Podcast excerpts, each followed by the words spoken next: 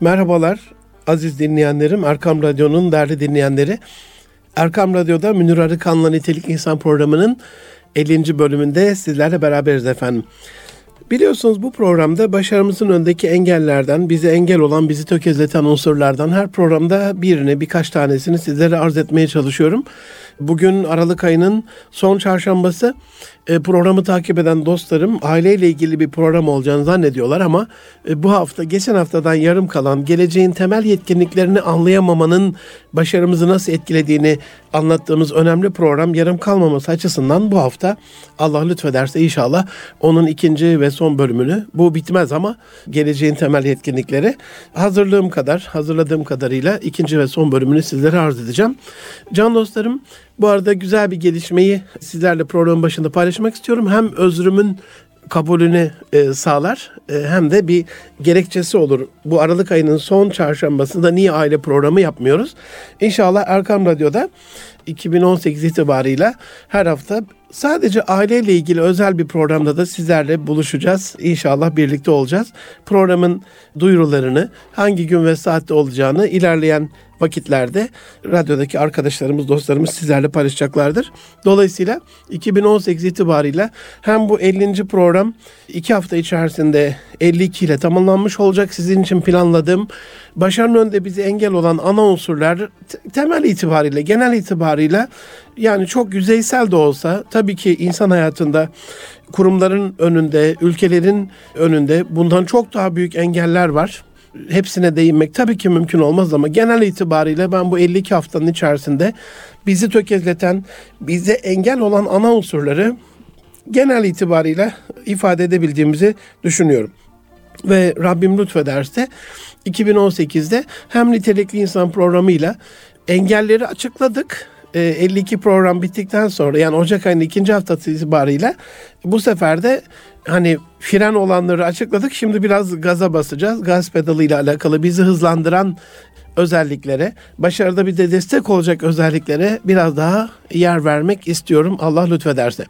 Dolayısıyla bu haftaki aile programını özel aile programına havale etmiş olmanın da huzuruyla inşallah bu geleceğin dünyasında 2020'de, 23'te, 30'da, 50'de, 71'de hep bahsettiğimiz o büyük gelecekte geleceğimizin düşündüğümüzden daha da güzel olması anlamında daha da güzel olması için neler yapabileceğimizle ilgili bazı temel yetkinlikleri geçen hafta size arz etmiştim 49. programda.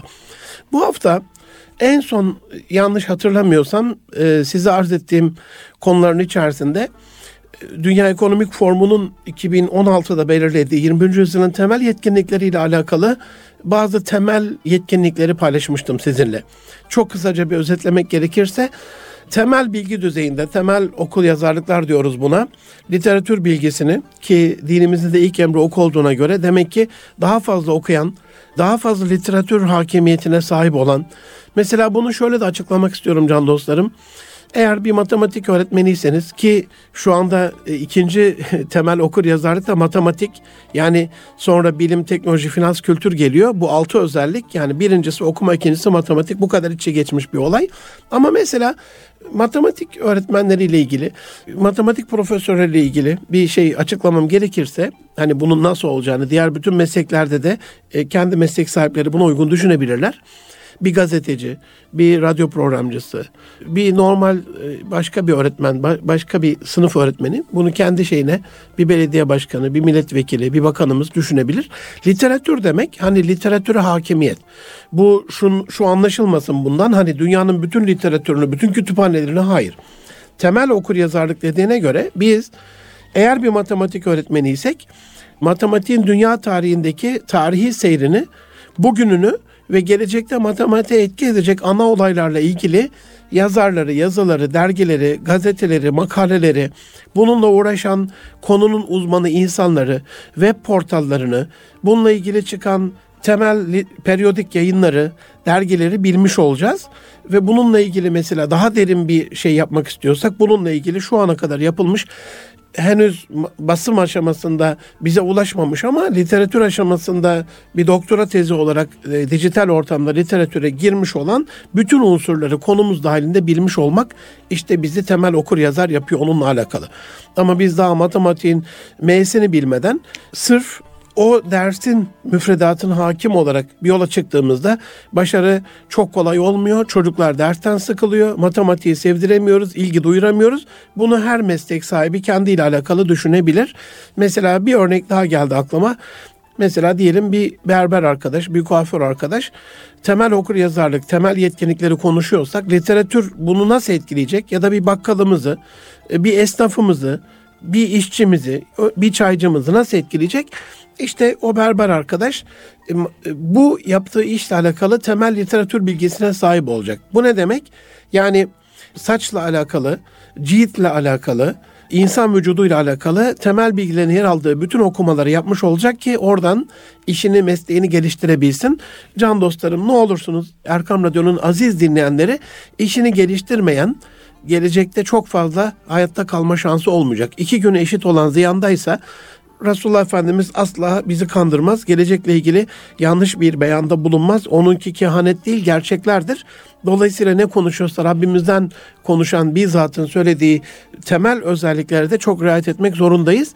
Erteliyorsak, nemel azımcılık, vurdum duymazlık yapıyorsak, e, umursamıyorsak gelecekte bizi umursamayacaktır. Bu anlamda hangi işi yaparsak yapalım A'dan Z'ye kadar bütün meslek gruplarında temel literatür bilgisi, e, matematiği bilmiş olmamızın zihinsel yetkinliklerimizle alakalı bilim, hani temel itibarıyla bilim kurallarını, buluşları, ondan sonra bilim dünyasında gelişmeleri, teknolojiyi her işin vazgeçilmez bir parçasıydı temel finans bilgilerini ki bu konuda geçen hafta bahsetmiştim maalesef biz biraz parayı elin kiri olarak gördüğümüz için paradan biraz uzak durmaya çalışan bunda tabii para parayla olan imtihanın getirdiği ağır sorumlulukların nefsin galip gelmesinin de etkisi var. Onun yerine hani birazcık derviş mantığıyla birazcık daha sessiz sakin uhulet suhuletle bir hayat içinde olmayı tercih eden atalarımız ecdadımız da yok değil. Buna ulaşmamışlar buna bulaşmamışlar ama bugünün dünyasında finans gücü olmasa işte görüyorsunuz Sayın Cumhurbaşkanımız birkaç gündür Afrika gezisinde ve gittiği her şehirde buradan kulaklarını çınlatalım TİKA'nın başkanı Serdar Çam ağabeyin devlet protokolünde konuştuğu her cümlenin hemen hemen sonrasında işte biz de TİKA'da TİKA'yla, TİKA'nın yardımıyla, TİKA'nın işte desteğiyle, TİKA'nın finansıyla falan diye o güzel isim geçiyor. Mutlaka orada bir eser yapmışız. Paramız olmadığında, finans gücümüz olmadığında bunu nasıl yapacağız? Hani dilenerek elin parasıyla bizim hayrımıza bir şey olmuyor. Dolayısıyla e, o anlamda da ayaklarımız üzerinde duran 2023 Türkiye'sinde güçlü bir ülke olarak ve alem İslam'ı toparlayan bir ülke olarak zulme karşı duran bir ülke olarak kalmanın da bir yolu ve kültürde özellikle genel kültürden bahsedersek kültür bilgisi temel okuyacaktan olacak demiştik. Kritik düşünce, yaratıcılık, iletişim, takımdaşlık Rabbimizin de çok çok e, üzerinde durduğu Kur'an-ı Kerim'de düşünceyle alakalı ayetleri hatırlarsak yaratıcılığı da burada e, haşa o anlamda değil hani yoktan var etmek anlamında değil var olan bir şeyin Hani Michelangelo'ya soruyorlar ya bu güzel heykelleri nasıl yapıyorsun diyor. Zaten o taşın içinde var ben onu ortaya çıkartıyorum. Yani yer çekiminin bulunması e, yaratılma anlamına değil zaten yaratılan var olan bir kaidenin kanunun sünnetullah'ın ortaya çıkartılması keşfedilmesi anlamına bir yaratıcılıktan bahsediyorum.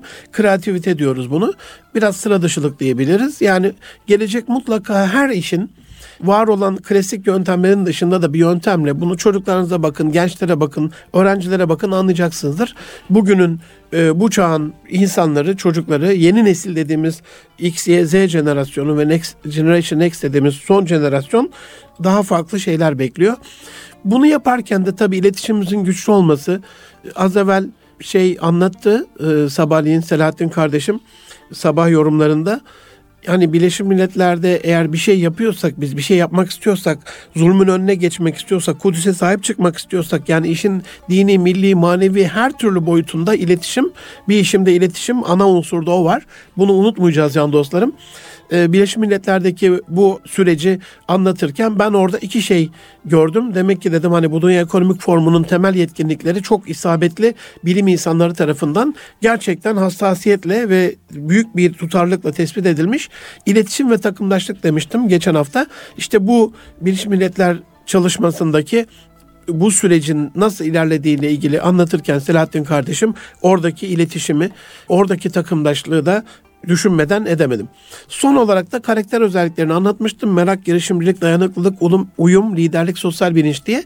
Burada özellikle can dostlarım, öğretici arkadaşlar, anneler, babalar ve çalışanlarını yöneten iş dünyasının işverenleri merak unsuruna çok dikkat ederlerse aileleri, okulları, şirketleri, kurumları çok daha iyi bir düzeyde olacaktır. Buradan şunu kastediyorum. Yani her şeyi siz veremezsiniz, her şeyi siz öğretemezsiniz, her şeyi siz gösteremezsiniz. Ama onlara bir merak uyandıran bir merak duygusu verebilirsek o merakla onlar kendi bu bilimsel literatür, matematik, işte kültür, iletişim, her türlü kritik düşünceyle alakalı işin içinde olacaklardır. Ana ana demek ki görevlerimizden bir tanesi çocuklara karakter özelliklerini kazandırırken merak ettiren bir şeydi. Şimdi bizim eğitim sisteminde bu yok maalesef. Asla ve asla yok. Bizi dinleyen eğitim duayenleri de Milli Eğitim Bakanlığımızın değerli yöneticileri de inşallah sesimizi duyuyorlardır ezber var, tekrar var, papağancılık var, bukalemunculuk var. E, benim gibi ol var. Ağzımdan çıkandan mesulsun var. Ne söylüyorsam ona bak var. Senden mi öğreneceğim var? Var da var. Yani müfredatın üzerine kurulu bir eğitim sistemi hiçbir ülkede asla ve asla başarı getirmez. Çünkü bugün yayınlanan müfredat bugün öğleden sonra itibariyle artık eskimiştir. Ama onlara o konuyla alakalı merak uyandıran, araştırmacı, geliştirmeci, buldurucu, uygulayıcı bir ruh kazandırabilirsek, bir karakter, bir yetenek kazandırabilirsek onlar ellerinden gelenin en iyisini ve işin gereğini yapmış olacaklardır. Soru sorarken cevabın ne olduğunu düşündüren değil, hangi cevapların olabileceğini ya da niye o cevabın doğru olduğunun merak edildiği bir tarz belki bakanlığı çok daha iyi bir duruma, öğrencilerimizi çok daha iyi bir duruma getirecektir.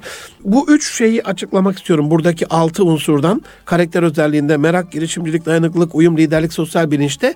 Merak işte söyledim durumumuz maalesef hani çocuklar bir şey merak ederek değil bezmiş bir durumda oturuyorlar sınıflarda çünkü dersin sunuş itibarıyla öğretmeni tekrardan ya da verilen o kitaptaki konuyu tekrardan ezberden sorulan sorunun doğru şıkkını işaretlemekten öte gittiğini düşünmüyorum. Böyle yurt dışında bir şeye katılmıştım. Finlandiya balık halinde bir öğretmenimiz işte bir balıkla ilgili bir deney yapacak. Bir e, deney demeyelim buna. Bir tecrübe, bir deneyim elde edecek çocuklar. Bir gün evvelden bilgi verilmiş ve bununla alakalı işte şey yapıyoruz. Öğrencilerle balık halinde bir şeyler yapılıyor. Serbestler, özgürler. Belki balıkla ilgili bir konu müfredatta küçük bir şekilde olabilir konu başlığı olarak ama içeriğine asla Finlandiya Milleti Bakanlığı karışmıyor. Çok dikkatimi çekti. Bir öğrenci böyle bistürüyle bir şeyler yapıyor. Babası da cerrahmış zaten. Öğretmenin elinde bir form var. Ben o gün hani her türlü öğretmen başarısı, öğretmenlerin yüksek eğitim düzeyi, işte okulun şöyle olması, böyle olması, film modeli hep konuşulur ama bu özelliğiyle bambaşka bir karakterinden bahsedeceğim Finlandiya eğitim sisteminin. Öğretmenin elinde matbu bir form vardı can dostlarım ve potential surgery kısmında yani potansiyel cerrah olabilir kısmını işaretliyordu. Yani bir öğrencinin hangi karakterde olabildiğini tespit edebilmek Osmanlı'nın kadim geleneğiydi bunu da merak etmek önemli. Yani öğrenciye merak ettirmenin yanında öğretmenin de öğrencide hangi karakterlerin baskın olduğunu merak edip onu keşfetmesi de önemli. İkinci özellik girişimcilik çok az düzeyde maalesef hem bizlerde anne babalar olarak, e, şirket sahipleri olarak, iş sahipleri olarak elimizi taşın altına koymayla alakalı, bir işe girişmekle alakalı ve bunun doğal sonucunda dayanıklılık bu neslin, çocuklarımızın, öğrencilerimizin dayanıklılık düzeyi çok çok az. Bu konuda ne olursunuz biraz kıyın, zulmedin demiyorum ama biraz girişimci olmalarına, zarar görmelerine, çile çekmelerine, o külfete katlanmalarına, o eziyete girmelerine biraz anne baba olarak bizler tahammül edersek çocuklarımız geleceğe çok daha fazla hazırlıklı olacaklardır. Her şeyi hazır buldukları bir yerde maalesef gelecek onlarla ilgili çok güzel bir şey vermeyecektir. Can dostlarım bütün bunları anlatırken size geleceğin temel yetkinliklerini anlatıyorum. Çocuklarımızı geleceğin temel yetkinliklerine uygun bir halde hazırlamayı anlatıyorum. Çünkü bunu anlamazsak yanlış yönlendirmiş olacağız çocuklarımızı. Bakın şu anda atama bekleyen yüz binlerce öğretmenimiz var. Neyi görmemişiz? İhtiyaçları görmemişiz. Hangi konuda geçen yavrum bir yeğenimle konuşuyordum. Ne yapıyorsun dedim dedi işte İngilizce öğretmenliği e, üzerinde duruyorum dedi e, amcacığım dedi. Dedim nasıl niye karar verdin nasıl bunu keşfettin falan dedi ataması kolay oluyormuş. Yani bu yavrum gelecekte İngilizce öğretmeni olsa bile bir gün ondan daha değerli bir şey bulduğunda İngilizce öğretmeni dersi demiyorum, yabancı dil öğretmenliği dersi demiyorum, Arapça öğretmenliği, Çince öğretmenliği hepsi birbirinden kıymetlidir. Ama hani kolay ataması oluyor diye bir meslek seçenlerin sonunun hüsran olduğunu da çok çok iyi biliyorum. Dolayısıyla aynı burada olduğu gibi biz Türkiye'mizin acil ihtiyaçlarını dünyanın geleceğine göre tespit edememiş olmanın şu anda e, sıkıntısını yaşıyoruz. İşte üniversite mezunu iş bulamayan insanların olduğu bir ülkeden bahsediyorsak geleceği okuyamadıkları için buradalar. Şu anda gelecek 15 yılda can dostlarım özellikle iş dünyasına, siyatlara, ticaret odalarına, sanayi odalarına bizi dinleyen can dostlarımıza Şeref Oğuz abi gibi Sabah gazetesinin ekonomi yazarı can dostum, Kerem Hakan hocam gibi e, çok değerli dostlarım bunu çok takdir edeceklerdir. 93 trilyon dolarlık altyapı yatırımı olacak gelecek 15 yılda. Şimdi bunların 7 tane ana konusu var. Bu 93 trilyonun dağıldığı ana unsurlar. Yüzlerce alt sektör var ama ana unsurları e, söylüyorum can dostlarım. Milletler arası kavgalar, medeniyetler arası çatışmaların çok daha üst düzeyde hissedileceği, işte Kudüs kararını görüyorsunuz, Amerika'nın aymazlığını görüyorsunuz, zulmün ta Myanmar'dan Amerika'ya kadar nasıl dalga dalga yayıldığını görüyorsunuz. Dolayısıyla savunma sanayine bir ihtiyaç var. Bütün ülkeler bunu hissedecekler. İşte İngiltere AB'den çıktı kendini daha korumalı bir hale getirmek için savunma sanayine yatırım yapacak. İşte Kuzey Kore'nin tehdidi e, Japonya, Güney Kore daha fazla işte e, Rusya ile Çin bir tarafta Hindistan ona karşı Pakistan gelin buraya İran yanında işte Türkiye Avrupa Birliği Türkiye bir taraftan Afrika işte Türkiye İsrail falan derken bütün dünya yüzeyinde tabii ki biz dostluk kardeşlik olsun deriz ama savunma sanayine yaklaşık 2 trilyon dolarlık bir yatırım öngörülüyor. Bu 93 trilyon dolar 15 yılda var olacak şey. Ne, ne kadar olacağıyla ilgili kesin bir şey yok ama sadece ben bir bilgi vereyim. Geçen sene yaklaşık 2 trilyon dolar harcanmış buna. Şimdi buradan yola çıkarak bu 93 trilyon içerisinde ne olacağını siz düşünün. Can dostlarım bir daha biraz daha yavaş yavaş tekrarlıyorum. Ne olursunuz kurban olayım. Çocuklarımızı geleceğe uygun nitelikler le teçhiz edemezsek, onlara geleceğin yetkinliklerini, yeteneklerini kazandıramazsak boşa kürek çekecekler, kariyer patınıcı yapacaklar. Kendilerini değerli ve özel hissedemeyecekler. Bir işte başarılı olamayacaklar. Şu anda mesela buradan ne anladık? Ben acizane buradan neyi anlatmaya çalışıyorum? Gelecek 15 yılda 93 trilyon dolarlık altyapı yatırımı olacaksa 7 ana sektörde savunma, enerji, sağlık, altyapı, robot, ulaşım ve uzay araçları ise demek ki çocuklarımızı bu alanlara sevk etmek gerekiyor. Savunma Sanayi Müsteşarımız İsmail Demir ağabeyi buradan yeniden minnetle yad ediyorum, kulaklarını çınlatıyorum. Bütün Türkiye çapında işte dün ve evvelsi günde Trakya'da savunma sanayi ile alakalı zirveleri vardı. Ee, nasıl güçlendirebiliriz diye il il bölge bölge dolaşıp bizim insanımızı bu alanda yatırıma, bu alanda buluşa e, çocuklarla, gençlerle, üniversiteyle ilgili yarışmalar da yapılıyor iki yıldan beri. Çok çok önemli hizmetler yapılıyor. Dolayısıyla biz çocuklarımızı aman işte silahla uğraşma bilmem ne yapma falan hayır öyle değil. Şu anda küçücük İsrail'in bu kadar alem İslam'a ve dünyaya aymazlıkla her gün belli çilelerle, zulümlerle işte dün karar verdiler. idam cezası da getiriyorlar. Sokakta gariban insanları, masum insanları, o zavallı kardeşleri öldürdükleri, yaraladıkları, işkencelikleri yetmiyor gibi bir de bunu kanun arkasına, hukuki dayanağı olmayan kanun arkasına sığınarak bir de böyle bir yasal dayanağa kavuşturacaklar. Dolayısıyla burada onların bu dik duruşunun en temel özelliği ya da tek bir özelliği daha fazla silaha sahip olmaları. Amerika'nın da daha fazla silahla ekonomik olarak onlara yardımcı olması mutlaka savunma sanayi ile alakalı çocuklarımızı internetten, savunma sanayinin web sitesinden, sosyal medya hesaplarından, bununla ilgili yarışmalardan, girişimlerden haberdar edelim. Üniversitede okuyan çocuklarımıza devletimizin çok büyük teşvikleri var.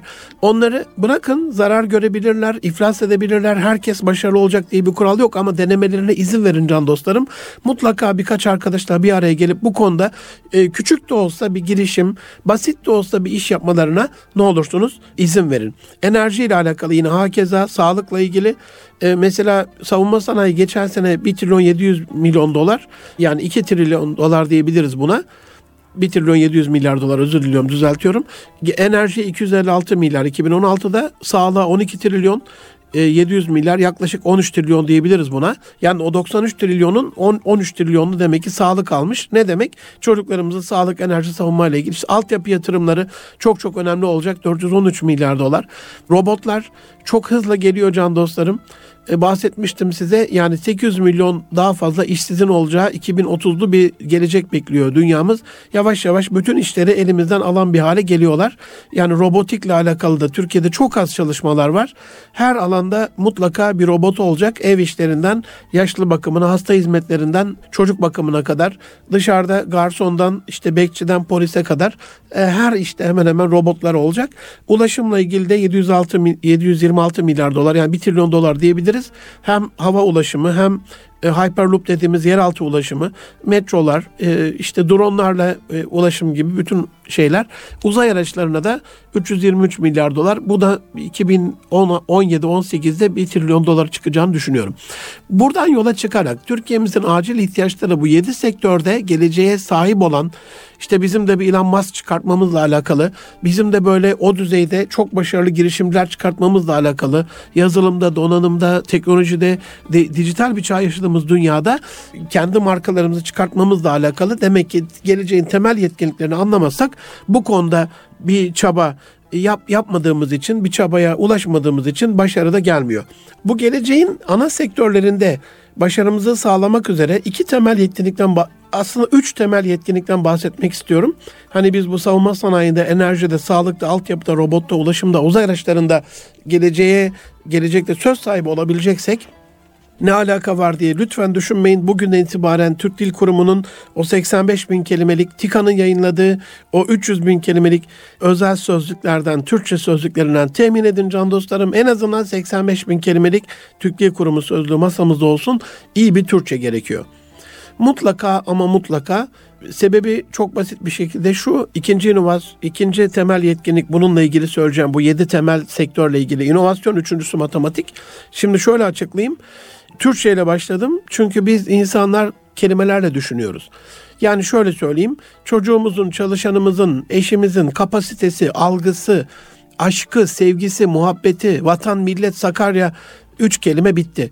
Ama vatanla ilgili o muhabbeti, gelecekle ilgili sahip olduğu o büyük ülküsü, ideali kelime bilgisi kadar olacak. Dolayısıyla ne kadar fazla kelime, ne kadar çok fazla kelimeyi hakimiyet, ne kadar çok o fazla kelimeyi düzgün ve güzel kullanım o kadar başarı getirecek kelimelerle düşünüyorsak ikinci temel yetkinlik inovasyonda da sıra dışı bir şeyler yapmak, bir şeyler keşfetmek, bulmak da o kelimeyle ilgili olacağı için mutlaka o da gerekiyor ve üçüncü tem, benim acizane tespitim üçüncü temel yetkinlikte çok te, yetkinlikler anlatacağım size ama vakit yettiği kadar ama bu bölümle ilgili hani üç temel yetkinlik derseniz Türkçeyi güzel kullanacak, daha fazla Türkçe kelime bilecek, inovatif düşünecek, sıra dışı düşünecek, inovasyon yapacak, bir icat çıkartacak ve matematiği iyi bilecek. Matematik iki beynin iki lobunun da sağ lobunda sol lobunda birbiriyle doğru kullanımını sağlayacak. Özellikle sol lob matematiksel düşüncenin merkezidir. Sağ lob hayal gücünün öyle bilinir.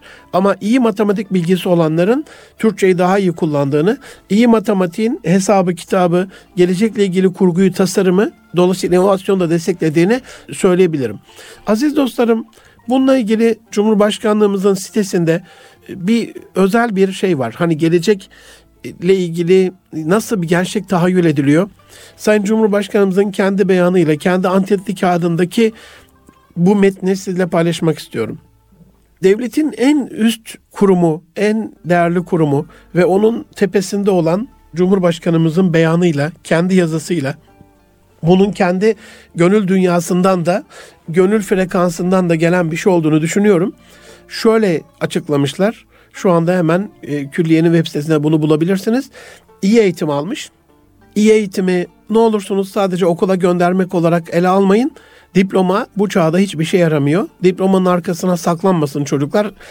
Okula giderken ya da açıktan okurken ya da gitmiyorken de normal iş yaparken de kendilerini yetiştirmeyi, kendilerini eğitmeyi ana görev, ana vazife kabul etsinler. En modern altyapıya kavuşmuş. İşte gelecek öyle olacak can dostlarım. Bilgi ve hikmetle donanmış bir gençlik için tüm imkanları seferber ediyoruz. Dünya ile rekabet eden, Arada ben parantez açacağım. Parantez dediğim zaman demek ki Cumhurbaşkanımız beyanı değil o. Bu metin onun beyanı ama dünya ile rekabet edebilen demiş. Parantez açıyorum. Can dostlarım rekabet stratejisi hem iş dünyasında hem çocuklarımızda çok az. Rekabeti okullar maalesef işte e, arada kavga falan ederken rakip olarak gördükleri çocuklarla ilgili bir şey olarak görüyorlar. Öyle değil. Maalesef gittiğim okullarda, üniversitelerde e, farkında değil insanlar. Şirketler bile bunun çok az farkında yani Çin'le de rekabet ediyoruz şu anda. Amerika ile de, İsrail'le de, Avrupa Birliği ile de. Dolayısıyla e, hangi konuda bir uzman olacaksak rekabet stratejisi geliştirip bu konudaki bu alandaki rakiplerin ne olduğunu bilebilmemiz lazım. Ancak böyle gelişme olabilir. Başka dünyayı yakından takip eden, meselelere sahip çıkan, Şimdi ben dünya çapında isim vermeyeceğim. Çok saygı duyduğum Amerika'da çok başarılı yere gelmiş bilim dünyasındaki değerli e, Türk bilim insanlarının bu Kudüs meseleleri haftası boyunca son 10 günden beri işte boş verin çekişmeleri, çatışmaları, siyasi şeylere falan kafa yormayın. Siz ilminize bakın e, dediğini görüyorum. Meselelere sahip çıkmadan sadece geleceğe erteleyerek, istikbali istiklale erteleyerek, duyarsız bir şekilde devam ederek daha sonra yaşadığı gibi hisseden bir nesil bu sefer de bilim dünyasının sırt dönmesi gibi işte e, sosyal medyada görüyorum dünyanın anlı şanlı insanları, kurumları sanki Kudüs'te hiçbir katliam yapılmıyormuş gibi, hiçbir zulüm olmuyormuş gibi, Myanmar'da hiçbir şey, Rohingya'da hiçbir şey olmuyormuş gibi e, gözlerini, kulaklarını kapatmışlar, ağızlarını kapatmışlar, dudaklarını kapatmışlar. Dolayısıyla biz meselelere sahip çıkan bir nesil istiyoruz diyor Cumhurbaşkanımız. Bir ayağı bu topraklarda, diğer ayağı ile alemleri gezen bir gençlik tahayyül ediyoruz. Parantez açıyorum. Zaten kutsal kitabımızda da 17 ayet yanlış hatırlamıyorsam kulsiru ayetleri, efelem tüsür ayetleri gezmez misiniz, görmez misiniz, bakmaz mısınız, yeryüzünü dolaşmaz mısınız? Ama maalesef ve maalesef bu ülkede hac ve umreden başka dışarı çıkan insanların 100 yıl boyunca olmadığı halbuki bu coğrafyalar gezerek geldiğimiz değil mi? Ta Orta Asya'dan fethettiğimiz müjdelenmiş topraklarda var olduğumuz sahabe-i kiram efendimizle anlatılır. Yani geçen de Nurettin hocamdan duymuştum. Taş çatlasın yani 150 bin 200 bin arasındaki sahabenin 20 biniyle alakalı %10'u kalmış Mekke'de Medine'de mezar şerifleri Mekke Medine'de olan 20 bine yakın sahabe-i kiram var. Peki yaklaşık olarak söylüyorum tabii bunu çocuklarıyla hanımlarıyla e, kendileriyle 200 bin olduğunu düşünüyorum net bir nüfus sayımı yok ama öyle olduğunu düşünüyorum. Yani yüzde onu orada, yüzde doksanı nerede? İşte ta Hindistan'dan Amerika'ya kadar yayılan bir coğrafyada e, alemleri dolaşmışlar. E, Sayın Cumhurbaşkanımız onu söylüyor. Bir ayağı bu toprakta olacak ama bir ayağı ile alemleri gezen, dünyaya hakim olan. Devam ediyoruz. En önemlisi de milli manevi değerlerine sahip çıkan, bu konuda parantez açıyorum, çok iyi bir durumda olmadığımızı görüyorum dolaştığım coğrafyalarda. Milli ve manevi değerlere sahip çıkan bir nesil yani sokakta gördüğümüz kadarıyla, kafelerde gördüğümüz kadarıyla, üniversitelerde, kampüslerde gördüğümüz kadarıyla oran olarak çok çok düşük olduğunu görüyorum. Onları yaşatan, bu değerlere sahip çıkan ve yaşatan diyor Cumhurbaşkanımız, geleceğini geçmişten aldığı güç, şuur ve ilhamla şekillendiren. Yani burada parantez açıyorum ne anlıyoruz? Mutlaka tarih şuuru bu yavrularımıza vermemiz lazım. Bununla ilgili demek ki biz de radyo olarak üzerimize düşen görevleri tam yapamıyoruz. Var programlar bildiğim kadarıyla ama tarihle ilgili, tarih şuurunu anlatan, tarihi menkıbeleri, anekdotları anlatan daha fazla bilinçlendirici programlara demek ki ağırlık vermemiz gerekiyor. Bu geleceğini geçmişten aldığı güç, gurur ve ilhamla şekillendiren bir gençlik tasavvur ediyoruz diyor. Altını çiziyorum, modern, dindar bir gençlikten bahsediyorum diyor Sayın Cumhurbaşkanımız.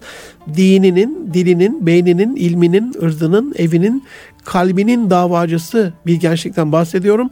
Kökü ezelde dalı ebette bir sistemin aşkına, vecdine, diyalektiğine, estetiğine, irfanına, idrakine sahip bir gençten bahsediyorum diyor Sayın Cumhurbaşkanımız.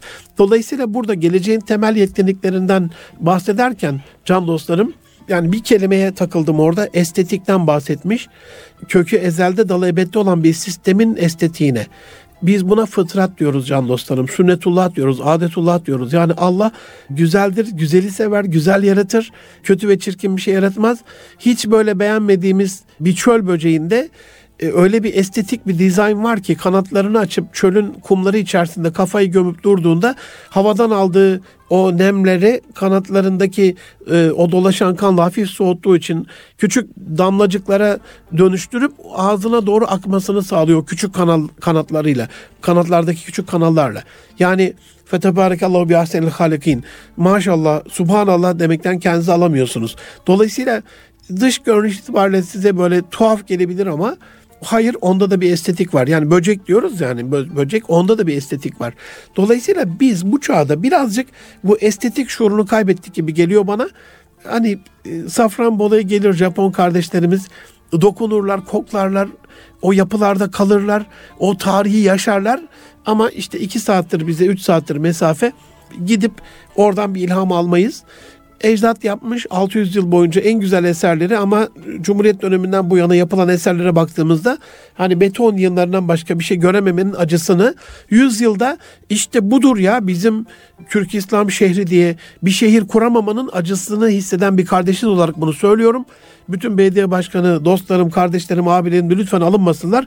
Onların da mesleklerine ihanet ettiğini düşünüyorum. Hangi bakanlıksa, çevre şehircilikten başlayarak hangi sorumluysa, yetkiliyse, hangi müteahhitse bunun sorumlusu olan kimse hiç alınsın ya da alınmasın hiç şey değil. Ama estetik şuurunu vermediğimiz için betonla estetikte olmuyor. Canlar bu temel yetkinliklerle alakalı bütün bunların ışığında 22 temel yetkinlik çıkarttım acizane. Yani yavrularımıza, çalışanlarımıza, eşimize, çocuğumuza, kendimize, gelecekle alakalı, gelecekte çok daha ayakta ve hayatta olan bir kişi olabilmek adına bu 22 temel yetkinlik mutlak suretle gerekiyor. Bir numarada iman var. Yani iman sahibi olmayan insanların dünyayı ne hale getirdiğini görüyorsunuz. İman izanı da getiriyor çünkü adaleti de getiriyor. Ortaya çıkartıyor. Mutlaka e, bir insanın içerisinde bu iman olacak. Yüreği mazlumlar için çarpacak. Güçten değil haktan, haklı olmaktan alacak gücünü ve adaleti test edecek. Ahlaklı, iki, üç milli, dört meraklı, merak düzeyini az evvel de açıklamıştım size. Alın teri, gönül teri ve akıl teri olan yani beş numarada çok çalışan yani çok çalışan demek alın terini akıtan. altı numarada işini seven yani gönül teri işi için yüreği kalbi gürp gürp atan kıpır kıpır olan sabahı zor eden yeni bir güne başlarken o dükkanını, o iş yerini açarken, o şirketine işe başlarken gönlü kıpır kıpır olan, e, akıl teri inovatif yani sıra dışı düşünen 7 numarada o var. 8 özgüvenli olan. Özgüvenle ilgili birazcık sanki bunun ahlak ve imanla da alakalı olduğunu düşünüyorum. Çocuklarımız bakıyorum kişisel güç kullanımında çok özgüvenliler. Yani şu anda okullarımızda can dostlarım yani ne olur kusura bakmayın. Yani müdürünü öldüren çocukların yaşadığı bir ülkeden bahsediyorum. Öğretmenini yaralayan, o okuldaki arkadaşlarını öldüren, çeteleşen yani problemimiz var. Problemimiz var. Bu konuda kaçış aman hocam hep kötü konuşuyorsun falan değiş bir işi çözmüyor, bir işe yaramıyor. Dolayısıyla özgüvenlerini kişisel ihtirasları için kullanmış olmak, özgüven sahibi olmak değil can dostlarım. Çocuklarımız evet özgüvenli ama e, kendi kişisel meselelerinde bunu kullanıyorlar. Halbuki özgüven işte şu anda Türkiye'nin Kudüs duruşunu yeniden hatırlayalım. Kendi olduğu kadarıyla elimizdeki imkanlarla bütün dünyaya kafa tutacak bir halimiz yok ama zalime razı gelmemek adına elimizden geldiği kadarıyla işte gerçek özgüven bu. Elimizden geleni yapmış oluyoruz. Yani İbrahim'in ateşini söndüremiyorsak da gagamızla bir damla su, su da olsa görevimizi yapmak adına, tarafımızın belli olması adına gereğini yapmış oluyoruz. Ya da tam gereği değil ama bu elimizden gelenin en iyisini yapmış oluyoruz. 9 numarada gelecek karar verici. Demek ki ne yapmamız gerekiyor? Çocuklarımıza, çalışanlarımıza yetki vermeden, işi delege etmeden, inisiyatif kullandırmadan karar olmaz ki. Yani ne olursunuz anne babalar dinleyen annelerden istirham ediyorum. Şöyle başlayabilirsiniz yani. Yavrum bugün ne pişireyim? Bırakın onlar karar versinler. Bugün sofraya ne koyalım? Bugün alışveriş listesinde ne olsun? Bugün kimi ziyaret edelim? Bu hafta sonu ne yapalım? Bu yaz tatilinde nereye gidelim? Elimizde şu anda 50 lira 100 lira bir para var. Bunu hangi hayırda kullanalım? Ya da bunu nasıl kullanalım? Daha çok karar verdikçe kas gibidir. Ne olursunuz kurban olayım can dostlarım. Yani fiziksel kaslar gibidir. Nasıl sürekli çalışmalar, kültür fizik hareketleri, vücut geliştirmede bodybuilding'de olduğu gibi, fitness'te, jimnastikte, aerobikte olduğu gibi yani hangi kasları hangi ritmik ve periyodik durumda hangi bilimsel verilere göre yaparsanız nasıl gelişeceği belliyse karar verme yetkinliği de karar vermeden olmaz. İstediğiniz kadar bilgi verin. Eğer sağ loblarını kullanarak yaratıcı düşüncelerini yerine getirmiyorlarsa, tahayyül ederek, tasarlayarak, kurgulayarak sonucun ne olduğu belli olmayan belirsizlik aleminden bir şey seçip onun sonucunu da görmüyorlarsa karar verme yetenekleri gelişmeyecektir. On numarada keşfeden kaşif bir gelecek bekliyor. Yani kaşifler bekliyor her konuda. Mesela işte yakında 15 tatile gireceğiz. E, hafta sonları tatilinde bile yapılabilir. İşte kış keşifleri farklıdır. İlkbahar keşifleri farklıdır. Sonbahar, yaz keşifleri farklıdır. Bulunduğu bölgede lokal, dünya anlamında global keşifler farklıdır. Bu İslam alimlerinin en temel özelliğiydi. Büyük kaşiflerin İslam'ın altın çağında yaklaşık işte Hicri ikinci asırdan itibaren işte yaklaşık 1200 yıl demek yani 1400 yıl dersek Allah Resulü'nden bu yanaki dönemi demek ki 800'de başladığını düşünelim. İşte 2000'e kadar 1200 yıl boyunca hep keşfeden büyük kaşifler bizden çıkmış. Bunun bir sebebi var. Hem o demin söylediğim dört numaradaki merak, en temel yetkinlik merak etmişler. O, o alttaki deruni zahiren görüneni değil, deruni sebepleri araştırmışlar. Gerçeği değil, hakikatin peşinde koşmuşlar. Hem de keşfeden bir yetenekle çalışmışlar. Onun sonucunda görmüşler. 11 numarada mutlaka veri madenciliğine hakim olan, internet deryasında boğulmayan, neyi nerede arayacağını bilen, o, veri çöplüğünün içerisinde kaybolmadan uygun olanları nereden alacağını bilerek, nasıl işleyeceğini bilerek aldığı bilgiyi de aynı bir altın madeni gibi işte 10 ton toprağı, kayayı, taşı ayrıştırıyorsunuz. E, bir gram maden çıkıyor. Değerli maden çıkıyor. Bazen bu 100 ton oluyor. 1 milyon ton oluyor elmasla ilgili, pırlantayla ilgili. Dolayısıyla burada belki öğretmenlerimiz bu konuda, anne babalarımız, hatta iş yerinde işverenlerimiz bile birazcık böyle internet ödevleri vererek, değişik dillerde ödevler vererek en sonunda da alınan bilgiyi mesela bir önceki şey neydi? Kaşif. Yani temel yetkinlikten bir tanesi gelecek kaşif bir insan bekliyorsa ya bir şey keşfedin. Bir eşya olabilir bu. Bir eşyadaki yeni bir yetkinlik olabilir. Yeni bir özellik olabilir. Yani mikrofon var şu anda stüdyonun önümde. Bu mikrofonla alakalı bunun ses özelliğini ya da bunun sesi nasıl güzel aldığıyla alakalı nasıl stüdyo mikrofonları farklı, dışarıdaki mikrofonlar farklı. Yani herhangi bir şey can dostlarım.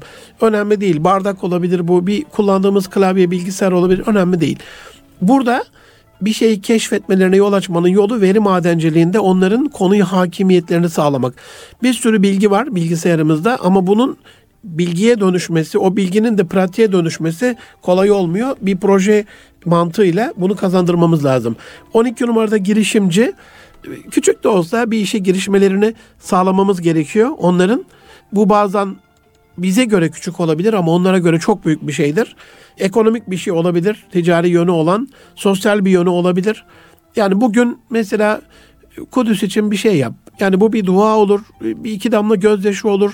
Oradan birine bir mektup göndermek olur. Oradan buraya gelen birini davet etmek olur. Ona bir yemek ısmarlamak olur. Bir şey olur ama. Bir girişim. 13 numarada rekabetçi, rekabet stratejisini az önce açıklamıştım. Mutlaka rakipleri bilen, rakiplerini bilen, kiminle aşık attığını bilen, ona göre kendini yenileyen, geliştiren, ürününe, şirketine, okuluna, ülkesine, sınıfına, bilgisine yeni bilgiler katan e, bir yetenek ve yetkinlik gerekiyor gelecekle ilgili. 14 numarada problem çözücü. İşte anne babaların en büyük zaafından bir tanesi de bu. Problemi büyüklerimiz çözüyor, bize bir şey kalmıyor. Halbuki problemi küçüklerle beraber çözmek, onları da sürece dahil etmek, yavaş yavaş onların da o 9 numarada anlattığım karar verme özelliklerini geliştirecektir.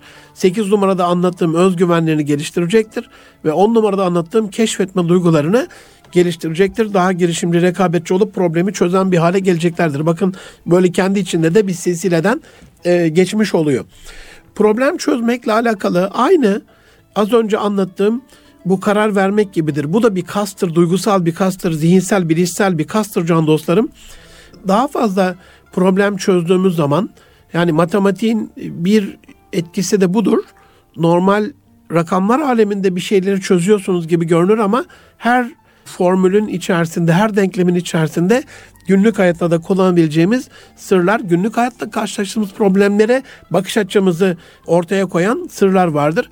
Problem çözmek bize hem esnek olmayı, hem yeni seçenekler geliştirmeyi, hem de kendi kararlarımızın sonucuna katlanmayı Dolayısıyla biraz da faturayı ödemeyi de gerektirdiği için bilişsel kaslarımızı çok daha üst düzeyde geliştiren bir özellik. 15 numarada iyi iletişimli temel yetkinlik, ana temel yetkinlikten bir tanesi. Dolayısıyla iletişim özelliklerimize biraz daha dikkat edeceğiz can dostlarım.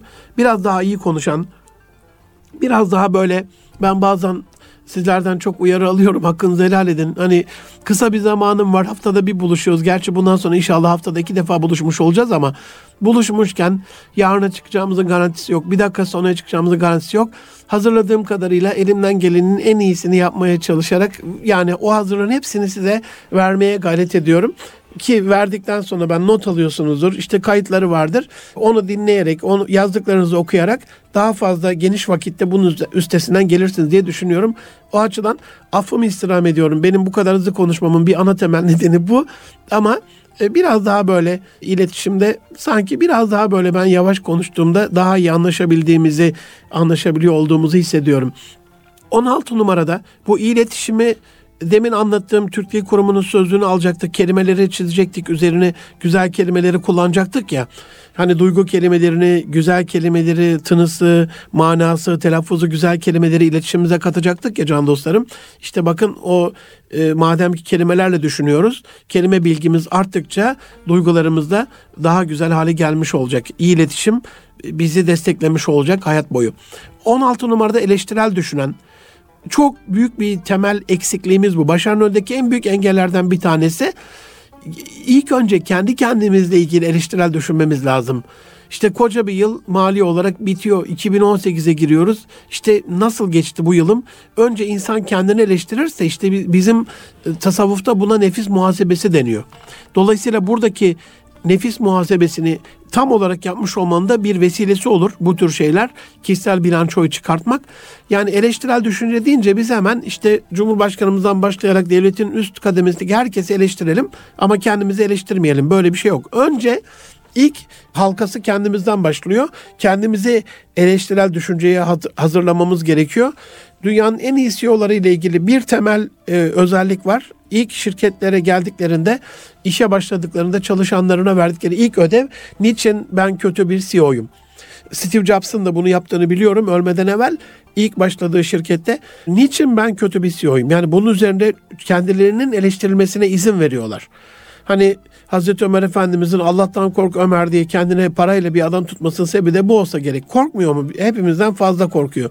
Ama Hani birinin kendini eleştirmesi ve buna tahammül göstermesi, işte çıkıp birinin kırbaçla seni doğrulturuz demesi, işte bir hanımefendi sahabenin çıkıp mihirle alakalı sen bunu bir taban şey getiremezsin buna, limit getiremezsin diye ona karşı çıkması ve haklı olması çok büyük şeydir. Ya da savaş konumunu nerede konuşlanacağını belirleme aşamasında peygamberimizin tercihine şöyle yapsak daha iyi olmaz mı diye karşı çıkan dolayısıyla onu bir anlamda eleştiren sahabenin var olduğu bir kültürden geliyoruz. Ne olursunuz biraz daha kendimizi eleştiren ve eleştire tahammül eden bir duruma gelmemiz lazım. 17'de İngilizcesi güzel olan can dostlarım Yani Osmanlı döneminde olsaydı bilim e, dili Osmanlıcaydı. Arapça, Farsça ağırlıklı olarak şu anda İngilizce. Yani internet üzerinden ulaşılan bütün bilgilerin yüzde sekseni en azından İngilizce olduğunu biliyorum. Çince de gerekiyor. 18 numarada eğer mekanik anlamda, teknolojik anlamda bir iş buluş, keşif anlamında bir şeyler yapmak istiyorsanız buna Çince'yi de eklemek gerekiyor üretimle ilgili kısımda. 19 numarada dünyayı anlayan, 20 numarada ekip çalışmasına yatkın, takımdaşlık ruhu, ekip ruhu olan 21 numarada teknolojiye hakim ve en sonunda bütün bunları yaptı, bir şeyler kazandı, iyi bir yerlere geldi, var olduğu konumu şereflendirdi, daha güzel bir şey haline geldi. İşte burada da bunu sahip olduğu o sosyal sorumluluk bilinciyle, sosyal zorunluluk bilinciyle hayat kazandığımızı harcayarak hayatı devam ettirmekten ziyade verdiklerimizle yepyeni hayatlar başlatabilmektir sırrını bilen, bu sırra göre paylaşımcı bir şekilde yaşayan insan istiyor gelecek. Bu temel yetkinlikler tahmin ediyorum bizim bir haftamızı daha alacak gibi görünüyor. Üçte ikisinin tamamlandığını görüyorum şu andaki önümdeki hazırlıklardan ama süremin de sonuna geldim. Can dostlarım Erkam Radyo'da Münir Arıkan'la Nitelik İnsan programının bir bölümünün daha sonuna gelecek. Gelecek hafta 51, sonraki haftada 52. bölümle başarımız önündeki temel engelleri bitirmiş olacağız. Sonrasında Ocak ayının ortasında yeni bir formatla birden başlarız herhalde. 53 demeyiz ona. Bu sefer başarımıza e, gaz verecek, bizi motive edecek temel destekleri e, anlattığımız bir dönem gelir. E, gelecek haftadan itibaren de aileyle ilgili konusu aile olan bir yeni bir programla sizlerle buluşacağız. Bu konuda nitelikli insan et erkanradyo.com ya da et nitelikli insan et Münir Arkan'dan bize ulaşabilirsiniz. Ne olursunuz aile konusunda, başarı konusunda hangi konuları işlememizi istiyorsanız bu konuda bize ulaşmanızı istirham ediyorum. Değerli fikirlerinizi, katkılarınızı, eleştirilerinizi bekliyoruz efendim. Gelecek hafta görüşmek üzere. Allah'a emanet olun. Hoşçakalın.